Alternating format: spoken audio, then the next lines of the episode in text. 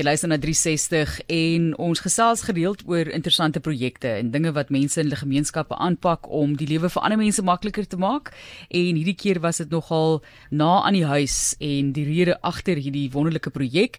Dis daar op Eiserfontein en daar's 'n gemeenskapsprojek wat begin is om die strand meer toeganklik te maak deur 'n oprit te bou vir rolstoelgebruikers. Ons gesels met Douglas McNeil Weekly en dit is dan die oupa van die seentjie vir wie dit eintlik die inspirasie was, Cecil McNeil Weekly wat besluit het as kontrakteur. Hy gaan nou nie meer afgetree wees vir hierdie projek nie. Hy gaan weer besluit hy hy wil hierdie tipe van werk doen en so betrokke geraak. Dankie Douglas. Welkom. Hallo Martie, so gaan dit? Dit gaan baie goed. My kant, ek moet seker maar die begin sê ons was saam op skool terloop. So kom ons Ja, ja, kom. ek ek neem daarop gewoonlik jou naam as ek saam met iemand in die kar ry en jy's op die radio. Haai Martelies, hy klink dan so jonk. ja nee, ek weet dis dis my verklaring, dis my um, verklaring hierso. Maar uh, Douglas, kom ons gesels gevinnig net oor die die begin van die projek. Um, ek hou baie van dit dop op sosiale media nou vir 'n vir 'n ruk lank in die uitdaging byvoorbeeld met jou seentjie Charlie. So vertel vir ons van die projek se oorsprong. Ag, dit mag begin by ehm um, my en Charlie wat en sy sussie Mia, ons gaan gereeld strand hier op Eisenfontein. En uh die een plekkie waar ons altyd swem is baie moeilik geweest om by uit te kom. Uh in die sin van jy met 'n rolstoel is dit amper onmoontlik geweest. En uh ek het eendag hier gestaan en gedink, "Ja, so dis eintlik so eenvoudig om 'n ramp te bou of 'n oprit." En uh toe het ons dit maar net by ek het begin dink hoe mense dit kan doen en hoe, die grootste uitdaging wat natuurlik om goedkeuring te kry vir so iets. En uh, ek het met Swartland munisipaliteit in aanraking gekom en uh, hulle het vir ons uh, was briljant geweest hulle het uh, vir ons net ges, alles wat ons nodig gehad het goedgekeur. Ons het deur omgewingsake en toe 9 maande later toe kon ons begin werk. So ja, en daar's eintlik 'n vriendin van my Rita Venter het twee gestremde meisies op Eisenfontein eh, wat ook cerebrale ataksia het of Friedrichsen ataksia wat hulle het. En uh hulle kan glad nie meer op die strand kom nie, maar nou hooplik na by einde volgende week kan hulle weer. So dit is fantasties. Mens gesels nou oor hierdie tipe van projekte want ek is seker daar's 'n behoefte daarvoor oral waar daar 'n strand is. Sal ja. daar behoefte wees vir iets soos dit? Natuurlik kos dit geld, so mense kan dalk maar vir julle ook direk kontak om bietjie te praat oor hoe dit werk en wat jy benodig daarvoor en die aansoeke wat jy moet instuur om dit goed te gekeer te laat kry. So is dit nou al reeds bruikbaar en gaan julle verder uitbrei met hierdie projek? Dit is dit gaan bruikbaar wees hier by die einde van volgende week. Sal ons seker klaar wees ons het nog so 'n bietjie afrondingswerk wat ons gaan doen volgende week, 'n uh, bietjie 'n uh, plaveisselwerk en ehm um, ou dekkies en goed wat ons wil klaarmaak. En ehm um, ja, dit uh, dit maak dit, dit daar is baie omdat ek 'n gestremde kind het, jy kom by plekke uit waar ehm uh, um, jy sien daar's verskillende plekke waar die behoeftes nie noodwendig by strande nie, maar baie plekke is nie altyd rolstoelvriendelik nie en ehm um, weet as 'n ouer uh, is dit 'n uitdaging om altyd dis simpel goed, jy weet om jou kind strand toe te vat, dit klink so eenvoudig, maar as daar nie 'n plek is waar jy hom kan afkry nie, dan is dit moeilik. So ehm um, ja, vir die, vir die uh, vir vir mense wat dit wil doen, dis uh, dis nie onmoontlik nie, jy weet ehm uh, daar is 'n proses wat moet geloop word met met die plaaslike munisipaliteite uh omgewingsake speel 'n groot rol omdat dit maar in 'n sensitiewe area is wat as dit op 'n strand is. So daar ons het baie ondervinding opgetel nou van dit en dit is eintlik baie uh, uh, alles eintlik baie toeganklik daarvoor. Uh uh veral omgewingsake en en die munisipaliteit, jy weet, hulle het ons baie mooi bygestaan met sulke goed. Douglas, dis 'n struktuur wat gevestig word, so daarom is al hierdie ek wil sê 'n mini omgewingsimpakstudie nodig en daarom die wisselwerking, né?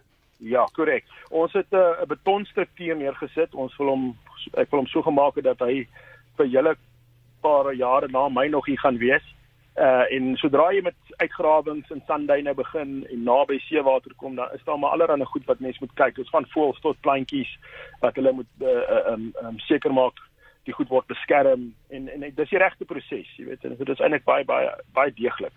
Vertel vir ons 'n bietjie die ehm um, die gevoel van die gemeenskap toe julle nou besluit het en daar begin gesels het onder mekaar, dis wat julle wil doen. Hoe oop is Suid-Afrikaners se harte nog? Nee, dit was fenomenaal geweest. Ehm um, uh, ons het uh, ons het begin met 'n social media launch uh, um, wat wat uh, die mense al klaar begin donasies uh, uh, uh, doen het. En toe het ons 'n veiling gehou. Um, ek is uh, Marlies sal hulle nou almal ken hulle, maar hulle was ook saam met ons op skool. Uh, John De Villiers en Skalk Burger was by die veiling en hulle het vir ons gehelp met hulle treë geskenk en tokse en die ouens het gekom en die plaaslike gemeenskap het dit ongelooflik ondersteun. Uh um ons het uh amper omtrent al die fondse net in die veiling opgemaak vir die ramp en uh um Ja, die die nee, die die, die plaaslike besighede was ongelooflik vir uh, almal wat daar's te veel om te noem, maar uh, die ouens het 'n uh, vrye hand oopgekom met mense verbygestap terwyl ons begin werk het en gevra wat doen julle en as jy hom vir hom verduidelik het hy huis toe gegaan en 'n donasie gemaak, jy weet. So nee, die gemeenskap was die Eisefontein gemeenskap en van mense van buite af ook was was was was baie baie baie uh, uh ons sien mens openhartig of, of uh, het ons baie mooi gehelp. Douglas McNeil Wheatley met wie ons gesels, jy praat van John de Villiers en Skalk Burger. Hulle hulle was mos twee bekende gitaarspelers, né? Skalk kan nog wel 'n gitaar speel. En John, hulle beide. Ja, hulle beide is gitaarspelers. Ek noem dit sommer so hierdie twee Springbok rugby spelers en wat 'n voorreg om sulke persoonlikhede ook in jou midde te kan hê wat ook hulle harte oopmaak.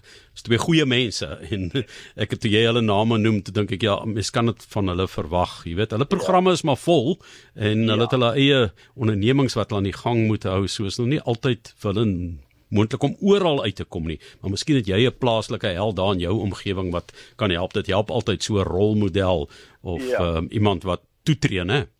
Ja, korrek. Ek bedoel ehm um, Skalk en uh, John is nou persoonlike vriende van my van skool af en uh um hulle hulle het ook nie geskroom nie. Ek bedoel ek het gebel en hulle het onmiddellik gesê hulle is in. Jy weet hulle het dadelik gesê whatever ons kan doen, sê net vir my ons sal enigiets kry. Uh, is David Barry ook. Hy was ook saam met hy was actually saam met my en Marlies in die klas.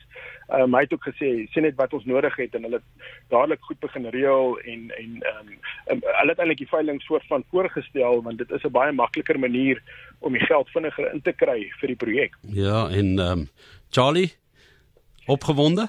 Ja, hy ek ek en hy het 'n site inspeksie gedoen so 'n uh, week terug. Het ons gou kom kyk. Ons het uh een of twee keer op en af gestap by en uit 'n maatjie op die dorp Johan. Uh Loupshire, hulle twee is groot maats en um, ons drie het gou verlede Saterdag net kom kyk hoe lyk dit hier of in of of, of hy dit goedkeur. Uh so ons het uh, ja, dit maak 'n groot verskil aan hom. Ek bedoel vir hom om nou af te gaan strand toe is 'n minuut. Jy weet dan sy onder op die op die op die strand en 'n mens se menswaardigheid. Ek dink om die toegang te kan hê tot so iets en om iewers uh, onbevange te sonder vrees, jy weet, te kan toegang hê tot 'n openbare geriewe soos 'n strand. Ehm um, dit is absoluut wonderlik.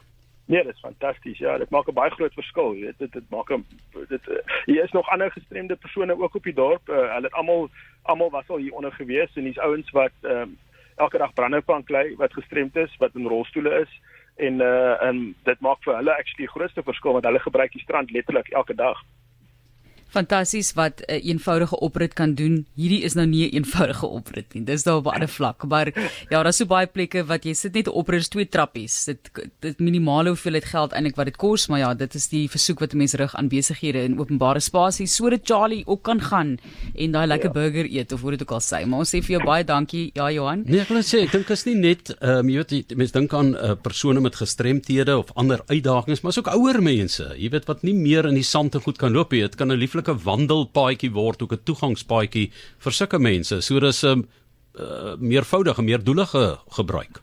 Ja, korrek. Ja, die ouer ouer gemeenskap kan dit gebruik. Daar's uh, maas met trams wat jy kan op en af nou. Uh, dit maak 'n baie groot verskil aan almal.